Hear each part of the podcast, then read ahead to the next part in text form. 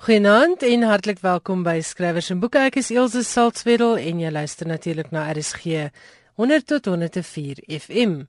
Vanaand se Skrywers en Boeke gaan so 'n bietjie anders klink as gewoonlik en volgende week ook, want ons gaan gesels oor skrywers en hulle klankbane. In my gesprekke met skrywers draai die gesprek noodwendig altyd na skryfwerk, skryfwyse, skryfrituele. En dis ook agtergekom het dat baie skrywers hou van musiek in die agtergrond terwyl hulle werk. Ander wat dalk nie hou van musiek terwyl hulle werk nie, reflekteer sekere musiek in hulle storielyne.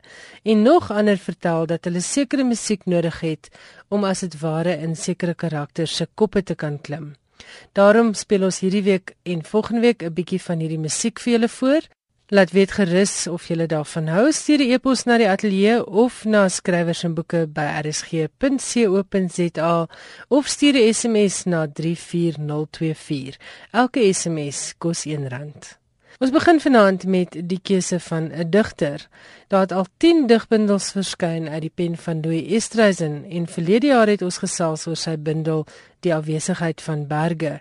Louis is derendeer 'n boekemens en ook bestuurder van die Protea boekwinkel in Stellenbosch en is stigterslid van die Vers en Daba webwerf. Louis skryf Ek luister derentyd na musiek. Aangesien die maak van gedigte 'n introspektiewe proses is, verkies ek musiek wat nie my aandag versplinter nie. Daarom meestal dan instrumentale musiek. Indien sang ter sprake is, skryf Louis, moet dit in 'n vreemde taal wees waar die stem eintlik ook net 'n instrument is.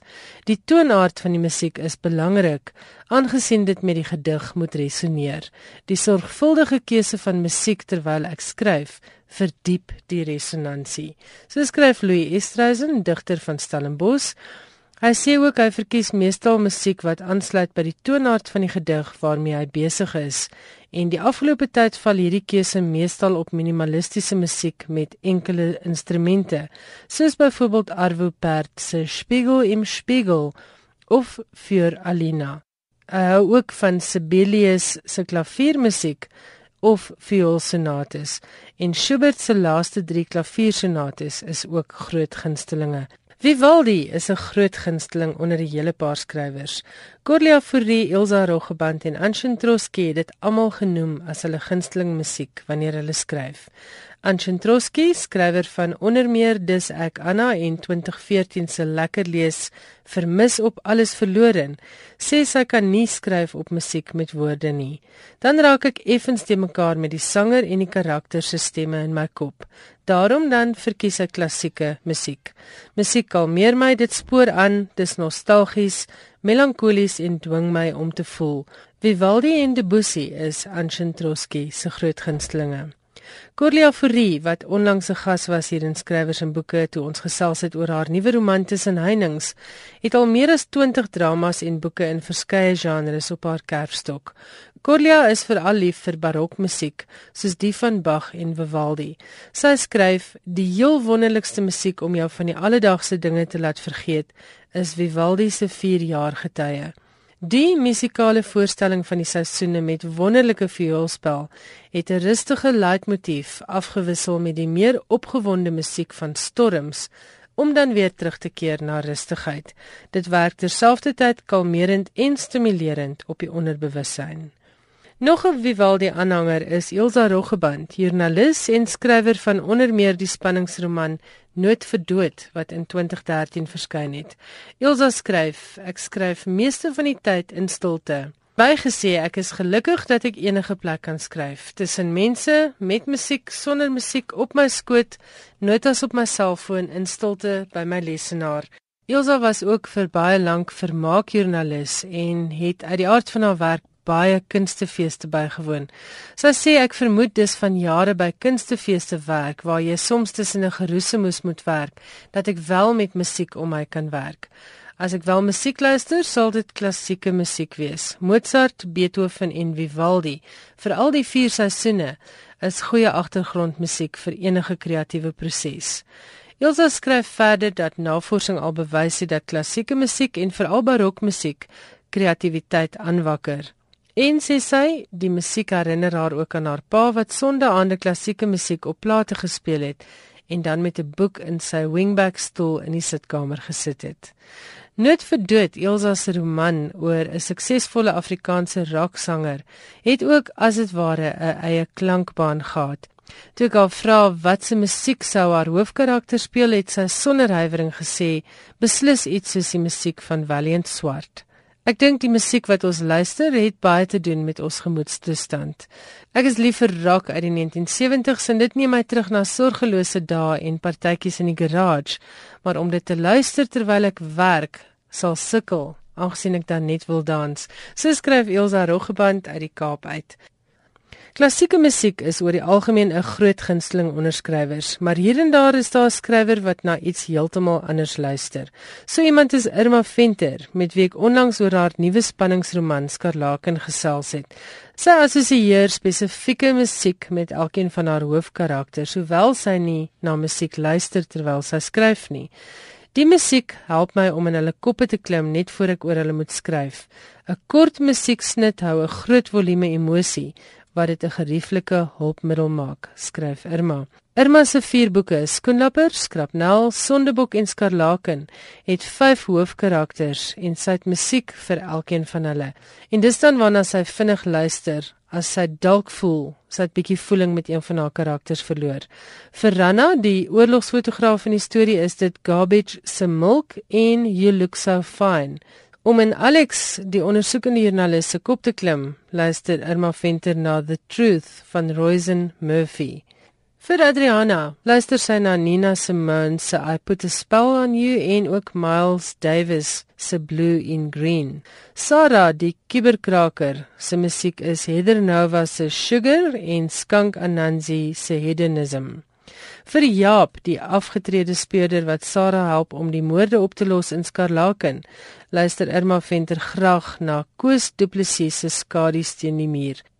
Jy luister na skrywers en boeke en vanaand gesels ons oor skrywers en hulle klankbane. Nog iemand wat sê sy skryf nie met musiek in die agtergrond nie, is Christine Neser jeugboekskrywer van die L-reeks. Haar jongste boek Middernagklub het onlangs verskyn. Christine sê sy hoor niks as sy skryf nie omdat sy onder geweldige groot druk skryf, maar sy luister graag na musiek wanneer sy oor 'n storie dink. Ons spin graag op ons oefenfietsse met lekker ou sentimentele 1970s musiek wat oor die stoep blaar. Dan kan ek nogal lekker stories uitdink. Die treffers uit my tienerjare en studentejare laat my skoon eufories en sentimenteel voel en neem my terug na 'n tyd toe alles nog moontlik was, skryf Christine Neser. Die soort musiek wat my hart chocolates laat klop het op skool, verplaas my na daardie tyd toe skool die middelpunt van my bestaan was. Dit is ook waar my jeugreeks hulle bevind. Ek dink die musiek laat my weer van binne 16 jaar oud word. Ek lê skielik weer in die bad van ons destydse Linwood huis met die radio kliphard aan op Eloise en ek sing so hard saam dat my broer teen die deur kom hamer. So ja, die musiek van my eie tienerjare bring my beslis in gees nader aan die karakters waaroor ek skryf. Onder Christine se gunstelinge tel Herman's Hermits se My Sentimental Friend, Eloise van Barry Ryan, Brett se musiek en dan Elvis se Suspicious Minds.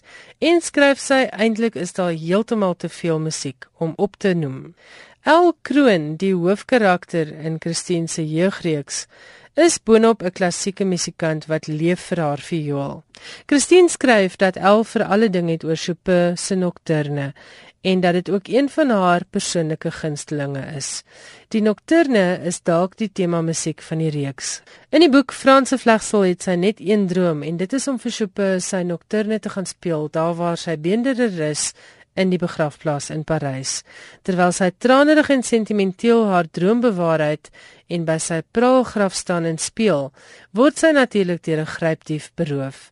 En daar staan El toe in Parys sonder geld en foon met net haar viool vir al haar moeite.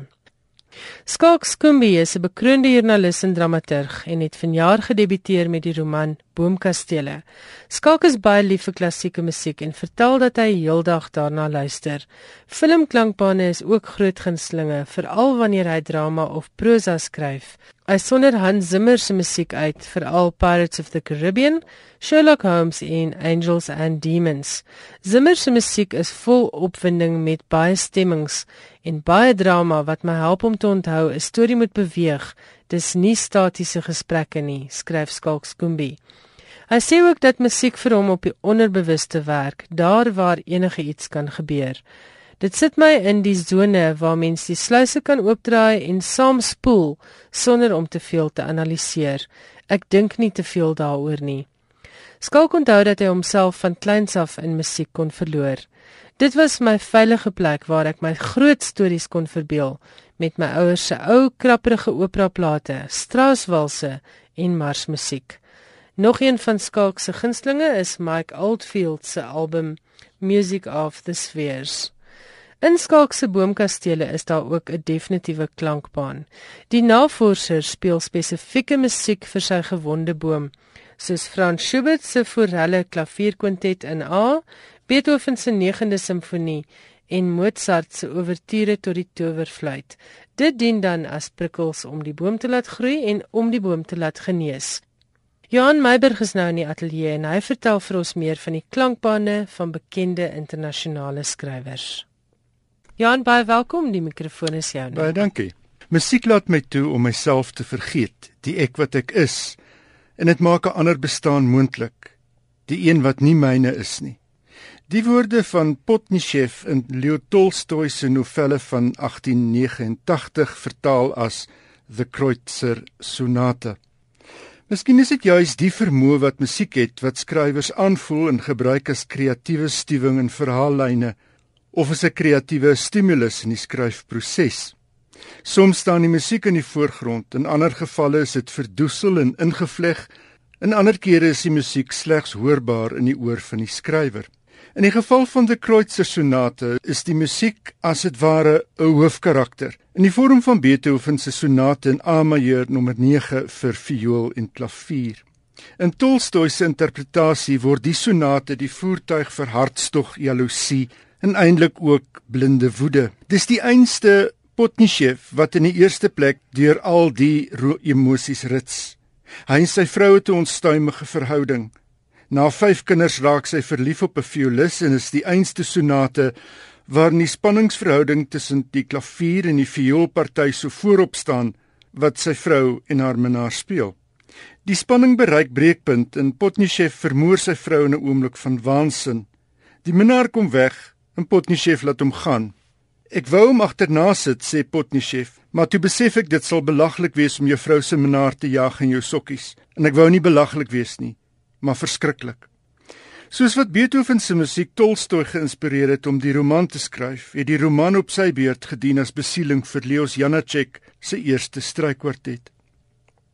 Vir sy roman van 1947 vertaal is Dr. Faustus The Life of the German Composer Adrian Leverkühn told by a friend het die Duitse skrywer Thomas Mann musikologiese navorsing gedoen in biografiese gegevens van Wolfgang Amadeus Mozart, Ludwig van Beethoven, Hector Berlioz, Hugo Wolf, Franz Schreker en Alban Berg in sy verhaal ingeweef.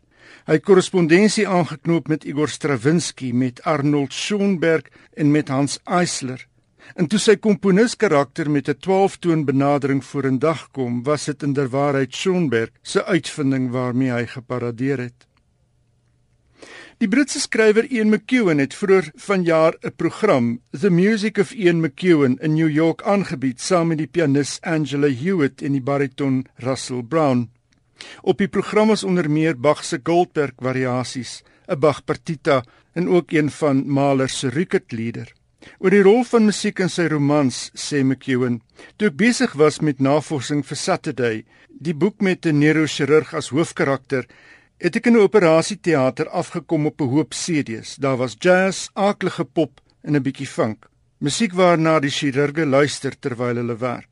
Omdat ek nie daarvan sal hou dat my brein openbloot op 'n tafel lê onder enige musiek nie, het ek vir my chirurg karakter die Goldberg variasies gegee om na te luister en ook net die beste opname, die van Angela Hewitt.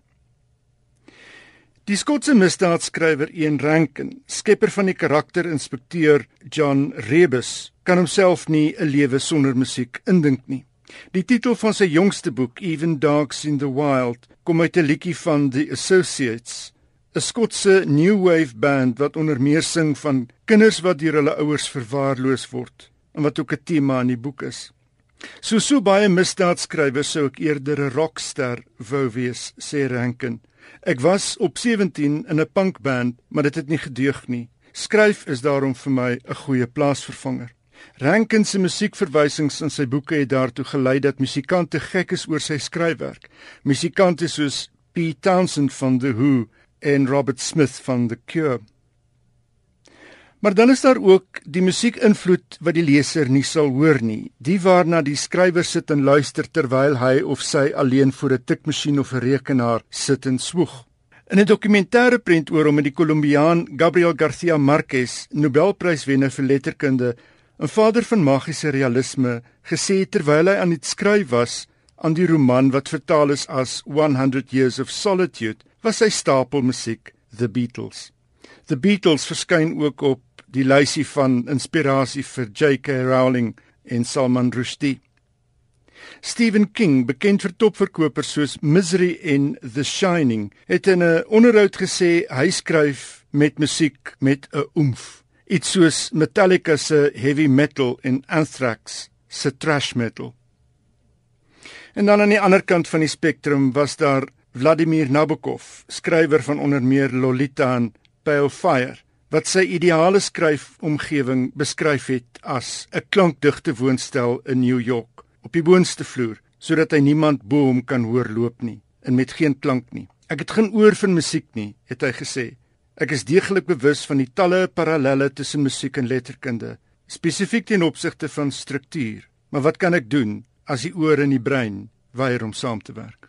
Ja, en dis baie interessant. Ek nou my navorsing gedoen het vir die res van die program was dit vir my opvallend daar's heel party mense wat klassieke musiek verkies en dan is daar mense wat net kan skryf as dit harde harde rock is. Dit is Stephen King. Ja, ek kan ongelukkig nie een van daai goed in hierdie program speel nie, maar dit was vir my vir my sou dit 'n totale afleiding gewees het. Ek sou glad nie kon werk met daai soort musiek nie. Hulle sê dis alwaar op hulle kan skryf. Jy sien op 'n manier dink ek as jy na musiek moet luister, trek dit jou aandag af. Jy wil jy wil iets hoor wat net daar is wat jy nie ja, hoor nie. Ja. En daar verstaan ek iets van van Stephen King se Wanneer luister jy wanneer jy dig en wanneer jy skryf as joernalis? Hou jy van stilte of is daar maar altyd musiek in die agtergrond? Stilte is, is belangrik, maar daar's ook uh, van tyd tot tyd. Mens luister baie na musiek en dan begin dit nader aan jou kop speel. En ek dink dit is waarvan die oor miskien vol is. Ja, want skrywers het vir my gesê in hulle antwoorde, die musiekstelsel moet nooit harder as die karakterstelsel raak nie. Dis reg. Ja. Baie dankie, dit was 'n baie lekker bydra. Baie dankie vir al jou harde werk hierdie jaar vir skrywers en boeke. Ek hoop jy het 'n lekker feestyd en 'n bietjie van 'n ruskans en volgende jaar is ons terug. Baie dankie, dit is immer lekker. Ons bly by klassieke musiek. Piet Venter, skrywer van spanningsverhale soos Ou bloed, Dieper as die bloed en meer onlangs ook die boek Lem, skryf graag met musiek. Sy epos was vol interessanthede en 'n mens kan agterkom hy het 'n wyd uiteenlopende musieksmaak en 'n goeie musiekkennis. Hy is baie lief vir Bach en skerts dat hy na Bach se suites en ouvertures luister en ook na sy Brandenburg konserte vir presisie, berekendheid en dissipline. Met ander woorde skryf Piet Venter vir die wetenskap en wiskunde in my regterbrein.